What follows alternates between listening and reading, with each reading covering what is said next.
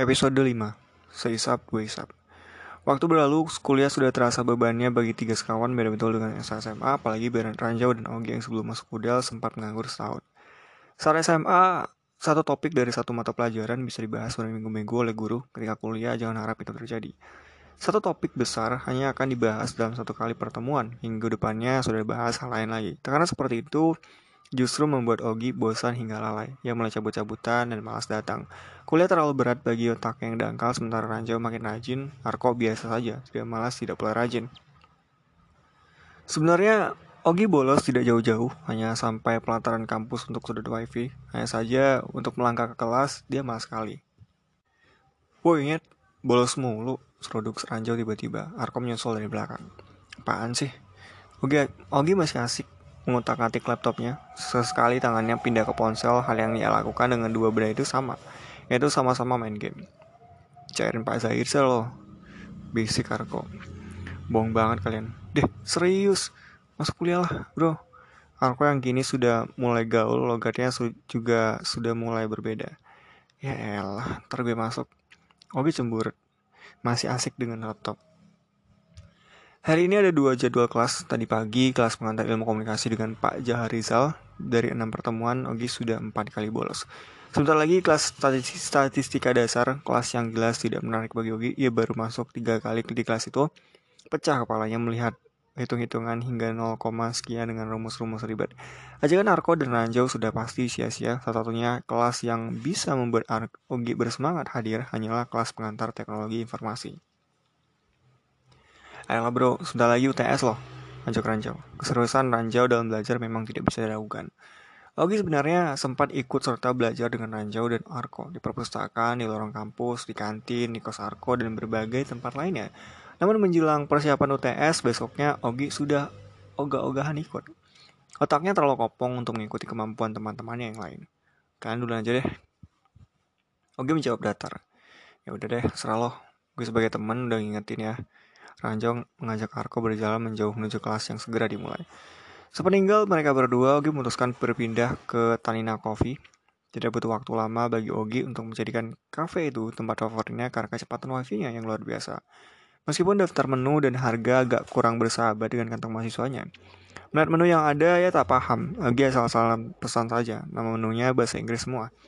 Tak terasa, tak dari siang, sore, kala matahari mulai rebah hingga malam hari, Ogi masih saja duduk di Tanina. Lampu-lampu redup, kekuningan dinyalakan, cahayanya menerpa santero kafe ini.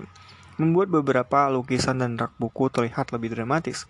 Mengunduh bokep mungkin memang masih menjadi hal favoritnya, tapi tak segila yang dibayangkan banyak orang juga rupanya. Kini Ogi lebih senang menjelajah hal-hal yang ingin tahu, yang ingin tahu tentang dunia komputer, software, coding, pembuatan aplikasi ini, itu deep web dan sebagainya. Ia memilih belajar sendiri, mengarungi apa yang ia inginkan, apa yang membuatnya dirinya terus penasaran. Oi, oh kita sentak. Perempuan berambut keunguan itu berkekeh. Gue duduk di sini boleh? Um, boleh. Uh, losannya ya, yang sekelas konseling sama gue kan, kelas kulira. Ogi mengingat-ingat. Iya kan, lo ketua kelompok gue. Gitu aja lupa. Ia memukul pundak Ogi dengan lunak. Ogi duduk ser saat pundaknya ditepuk. Ogi memperbaiki posisi duduk, ngucek-ngucek mata yang cukup lelah menatap layar komputer dari tadi. Asik, kalau belajar buat ATS ya? Hah? Enggak. Sambil Sania memilih-milih pesanan, mereka mengobrol-ngobrol ringan. Ternyata Sania hari ini datang untuk wawancara dengan manajer kafe ini. Ia direkrut untuk nyanyi dan manggung setiap akhir minggu. Gitu deh. Gue emang dari SMP suka ngeband, papar Sania. Nadanya amat ceria. Dulu Ranjau temennya sama lo itu, dia mantan gitaris gue. Tadi, tapi ya ya gitu deh, keluar di tengah-tengah jalan. Gak tahu juga deh. Pas SMA gue bikin band baru, sampai sekarang masih aktif nanti malam minggu. Kalau datang aja nontonin gue, ya. Saya jelaskan dengan amat bersemangat. Wah, malam minggu ya. Udah mau tes nih. Hmm, tapi ya udah udahlah tes doang. Sanggogi pada diri sendiri. Ujian tidak serius kan sambungsannya. Gampang lah ya. Mereka ngobrol sekitar 10 menit dengan masih agak krik-krik. Soalnya kemudian berpisah meja dengan Ogi karena harus wawancara. Nanti kapan-kapan ketemu lagi ya Gi. Awas malam minggu datangnya ke sini. Bawa, bawa penonton yang ramai Ogi mengacukan jempol, lawak rupanya. Ada pula musisi wawancara.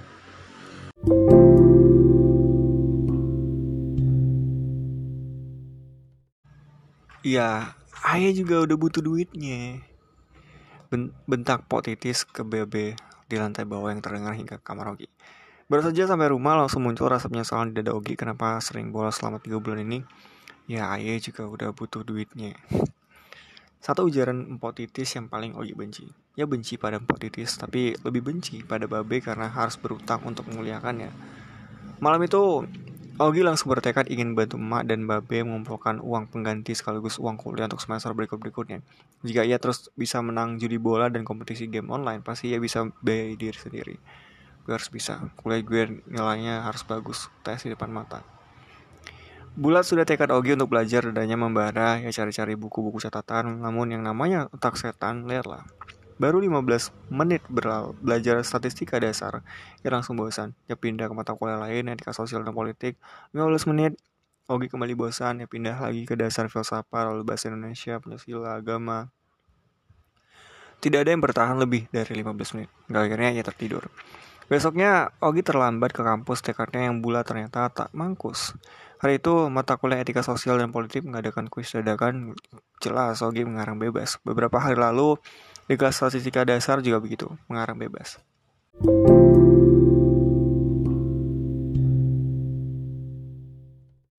Pada akhir minggu, bukannya belajar, Rogi malah benar-benar mendatangi Tanina Coffee untuk memenuhi janjinya pada Sonia. Ternyata anak ini memang bagus suaranya. Dari pukul 9 malam hingga pukul 1 pagi tak habis-habisannya dan grup bandnya membawakan musik-musik dengan peralatan akustik. Selesai manggung, Sonia mengajak Ogi bergabung dengan rekan-rekannya. Sini Sania menarik Ogi ke sebuah pojokan. Anak-anak band itu tertawa-tawa, saling tos-tosan, dan mengeluarkan sesuatu dari saku celana masing-masing. Negi, Sania memberikan sebuah lintingan mirip rokok. Coba deh. Ogi menolak. Sania menyalakan korek api menghisap benda yang tadi ia keluarkan. Coba lagi, hisap dua hisap aja. Mana tahu enak, selorohnya. Ia tos-tosan dengan kawan-kawannya yang lain. Ogi bimbang, ternyata tak mau mencoba benda haram ini dengan tak mau terlihat cupu. Ini kayaknya bukan rokok deh. Ini benda haram. Ayo lagi. Sanya merangkul Ogi rat hingga tubuh mereka saling menempel. Ogi deg-deg sar. Coba dulu. Sanya mengembuskan asap ke wajah Ogi. Terlong fly deh pasti. Sanya mencubit dodagi. Ogi tampak kebingungan dan tegang, badannya panas, darah mengalir deras ke satu titik. Sanya mengambil tangan Ogi yang telah memegang benda itu. Yang letakkan di bibir Ogi Sanda memindahkan api dari benda miliknya ke benda bi di bibir Ogi yang belum menyala, seperti dua api yang sedang bersentuhan. Yang lain Gi, isap-isap. Pintasannya sambil berbisik. Ogi mengisap api itu, kini benda seisap dua isap miliknya juga menyala. Di isapan pertama, Ogi batuk kencang sekali. Isapan kedua, kepalanya pusing seperti dihantamkan ke dinding. Isapan ketiga dan seterusnya, Ogi terbang, melayang. Dua jam lewat tengah malam, mereka menghabiskan dengan tertawa-tawa lalu pulang. Pulang Gi. Belajar gue. Pamit Sonia. Ogi sampai di rumah dengan keadaan teler. Besoknya ia bangun siang menjelang sore itu hari minggu. Tidak ada sama sekali niatnya memegang buku. Ketika niat itu muncul ah ada aja yang terjadi. Babe minta tolong di bengkel lah atau emak minta tolong angkat-angkat kardus lah. Jadi kerjaan selesai, Ogi malah kembali menyentuh game online padahal esok adalah hari UTS. Hingga datanglah Senin, UTS hari pertama, langsung dua mata kuliah diujikan, antara ilmu komunikasi dan statistika dasar, jackpot. Ogi yang benar-benar tidak percaya diri berlari menuju Ranjau dan Arko yang duduk-duduk di pintu ruangan kelas. Please chat wajah Ogi basah kuyup oleh keringat. Please, nanti gue nyontek kalian ya. Arko tertawa, Ranjau geleng-geleng. Gak bisa lah, kalau ketahuan mampus kita. Aturan baru lu gak dengar. Barang siapa ketahuan nyontek ketika ujian, maka semua nilainya pada semua mata kuliah di semester itu akan dapat nilai E. Alias gak lulus. Papa Randi panjang lebar. Jauh. Jangan gitulah bohongnya. Please dong gue gak ngerti sama sekali nih statistika dasar. If you don't believe me tanya Arko aja. Arko mengangguk. Ini masih ada 10 menit lagi sebelum ujian Ki. Sini gue ajarin mana tahu sempat. Arko tertawa. Ia mencoba bersimpati pada ketololan Augie mana pula bisa belajar 10 menit Benar aja, selama ujian, keringat dingin terus mengalir dari kulit Ogi. Dan mahasiswa lain ketuk-ketuk kalkulator, menulis jawaban dengan lancar, Ogi makin tertekan. Ya asal-asal tulis saja, Ogi tak mengerti rumus-rumus statistika, statistika yang sulit, ia malah menulis rumus-rumus hitungan sederhana. Kabataku. Kali bagi tambah kurang. Suka hatinya saja, ya karang-karang saja, sembarang rumus. Bahkan ada rumus baru yang ia ciptakan sendiri dan hanya dialah yang mengerti. Hebat betul Profesor Ogi ini. Selesai statistika dasar, Ogi terpergi terburu menuju perpustakaan ada satu jam lagi sebelum ujian pengantar ilmu komunikasi dimulai. Ia sempat meminjam catatan ranjau untuk difotokopi. Namun Ranjau menolaknya dengan alasan kalau dia juga butuh untuk belajar ulang. Ogi mendesis kesal, penyakit ranjau kembali pelit kalau sudah ujian.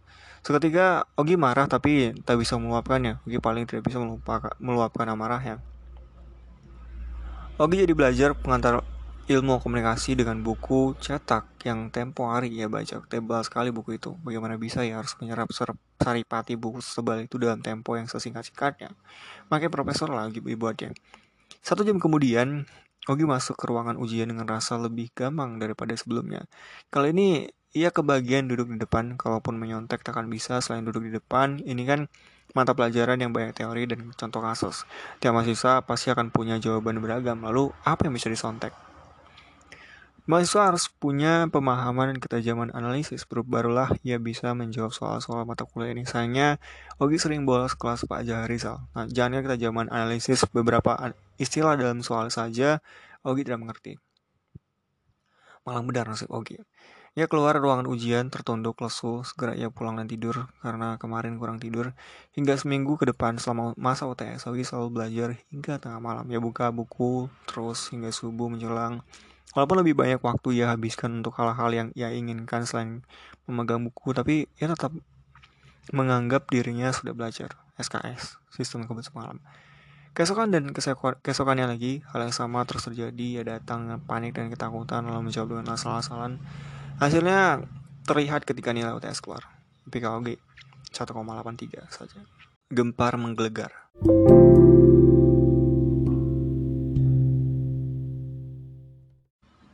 Pada hari pengumuman nilai UTS itu, pansel semua anggota kelompok Ogi berdering. Itu Ibu Lira yang baru saja membuat grup chat. Grup itu bukan untuk semua 30 mahasiswa konselingnya, tapi hanya khusus kelompok Ogi saja. Untuk kelompok lain, Ibu Lira membuat grup terpisah. Halo kawan-kawan, besok kita kumpul ya di kelas konseling. Maaf mendadaknya ya, khusus kelompok Ogi. Soalnya ada yang harus berpamitan dari kampus Udel. Dek, jantung Ogi terpompa kencang. Perpamitan. Gue besok langsung deh, oh nih. Gimana nilai lo men? Tanya Ranjo ke Ogi yang tengah berjalan di koridor kampus. Ogi kaget. Ya gitu deh. ya mendesis ngilang. Kawan, nongkrong lah kita yuk. Herakan masa selesai ujian ini dengan segelas kopi. Arko merentangkan kedua tangannya seperti seorang pemain bola yang baru saja mencetak gol. Hmm, nggak deh. Gue mau pulang, untuk banget. Lagian besok udah kuliah lagi. Kan gak ada libur, kata Ogi. Ayolah kawan, Arko maksa. Habis itu kita hunting-hunting foto deh. I'm on it. Gue yang traktir. Sambung Ranjau. Jarang sekali Ranjau mau traktir orang. Ogi mengeluarkan ponsel dari saku, ya berpura-pura sedang ada yang menelpon. Wah, ntar telepon dari bokap gue.